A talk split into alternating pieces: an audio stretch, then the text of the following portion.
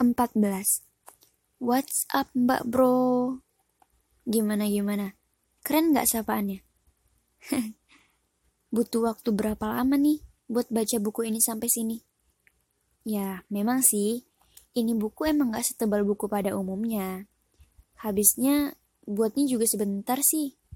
Salah anggun nih, kenapa cepat kali ulang tahun? Kan jadi harus mikir ide kreatif secepat mungkin jadinya. Huh. Di bab sebelum-sebelumnya, Ara ada bilang kalau Ara nggak mau bahas soal perasaan kan? Tapi karena kelabilan gadis bungsu yang masih berusia 17 tahun saat menulis ini, pada bab ini ia akan bercerita sedikit perihal itu. Sadar nggak sadar, benar nggak benar, kayaknya Ara menyadari satu hal dan rasanya ini mungkin.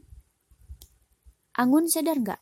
Selama kita dekat, kita nggak pernah di situasi berbarengan menyukai atau disukai sama orang. Lebih tepatnya, dekat dengan seseorang di waktu yang bersamaan. Kayaknya Ara pernah bahas ini sekilas dulu, kalau Anggun ingat. Menurut pendapat Ara, itu karena takdir Allah, Gun. Karena perasaan atau cinta itu sifatnya membutakan. Iya nggak sih? Secara sadar nggak sadar, pasti kita akan terbutakan oleh yang namanya cinta. Maka dari itu, Allah baik banget Gun sama kita. Allah jadikan salah satu dari kita untuk jadi pengingat di kala yang lainnya sedang berada di zona kebutaan. Gak enak kali ya dengarnya zona kebutaan. Hehe. Tapi singkatnya begitulah. Maka dari itu, kita selalu tidak berbarengan dalam hal dicintai dan mencintai seseorang. Karena satu di antara kita akan menjadi pengingatnya. Ara nggak akan sebut merek di sini. Karena nggak boleh ada yang diceritain selain Anggun dan Ara. Hehe.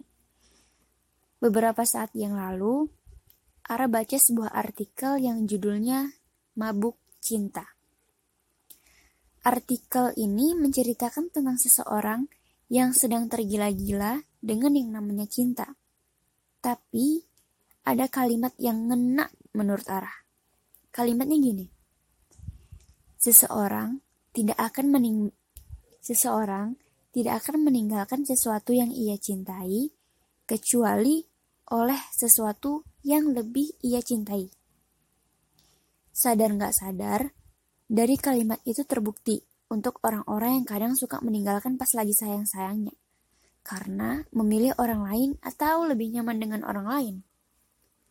Tak hanya itu, kalimat itu mengajarkan kita bagaimana caranya move on. Karena sebenarnya sesuatu yang harus lebih kita cintai itu adalah Allah Subhanahu wa taala. Pernah ngerasa atau ngalamin gak sih mau move on dari seseorang malah cari orang yang baru? Itulah maksud dari kalimat itu. Kita tuh gak akan pernah ninggalin sesuatu yang kita cintai, kecuali untuk sesuatu yang lebih kita cintai. Jadi, sampai sini paham kan kenapa kita susah move on? Ya emang sih, gak semudah itu. Lagi-lagi, hati sama pikiran emang suka menolak kompak kalau soal beginian. Makanya kita harus sabar supaya bisa buat mereka kompak. Gak ada yang gak bisa kalau Allah berkehendak. Gak tahu kenapa, akhir-akhir ini Ara jadi sedikit ambiar. Mungkin di bab ini akan menjadi korban keambiaran Ara deh. Ara baru aja lihat story WhatsAppnya Anggun tentang seseorang yang mengira keramahan adalah sebuah rumah.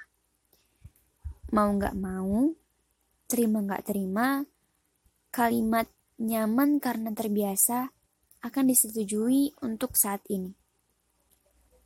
Emang gak bisa nyalahin siapa-siapa kalau udah kayak gini mah. Emang seharusnya bukan tentang salah menyalahi sih. Lebih tepatnya saling mengintrospeksi. Ya gak sih? Kasarnya, siapa suruh gampang banget untuk buka hati. Siapa suruh baperan. Siapa suruh gak nolak dari awal. Siapa suruh terlanjur nyaman? Seketika hati memainkan perannya seraya berkata, bukan tentang siapa yang nyuruh-nyuruh. Ini tentang hati. Perihal jatuh cinta, perasaan itu nggak bisa dijeda. Dia datang tanpa permisi dan kadang suka nggak mau pergi. Terus, tiba-tiba logika datang dengan bijaknya. Siapa bilang perasaan datangnya nggak permisi? Kamunya aja yang nggak sadar. Udah terlanjur dibutakan cinta sih. Perasaan itu pasti akan terasa berbeda saat ada hal-hal yang terjadi. Apalagi jatuh cinta. Pasti dia juga akan mengere pasti dia juga akan ngerespon seperti deg-degan dan sejenisnya. Stop. Hati, logika, tolong ya, jangan mengganggu ketenangan pada kehidupan. Dan tolong, jangan suka merampas jam tidur seseorang hanya untuk menyaksikan perdebatan antara kalian berdua. Cukup dramanya. Perasaan dan logika memang suka nggak sinkron kalau lagi jatuh cinta.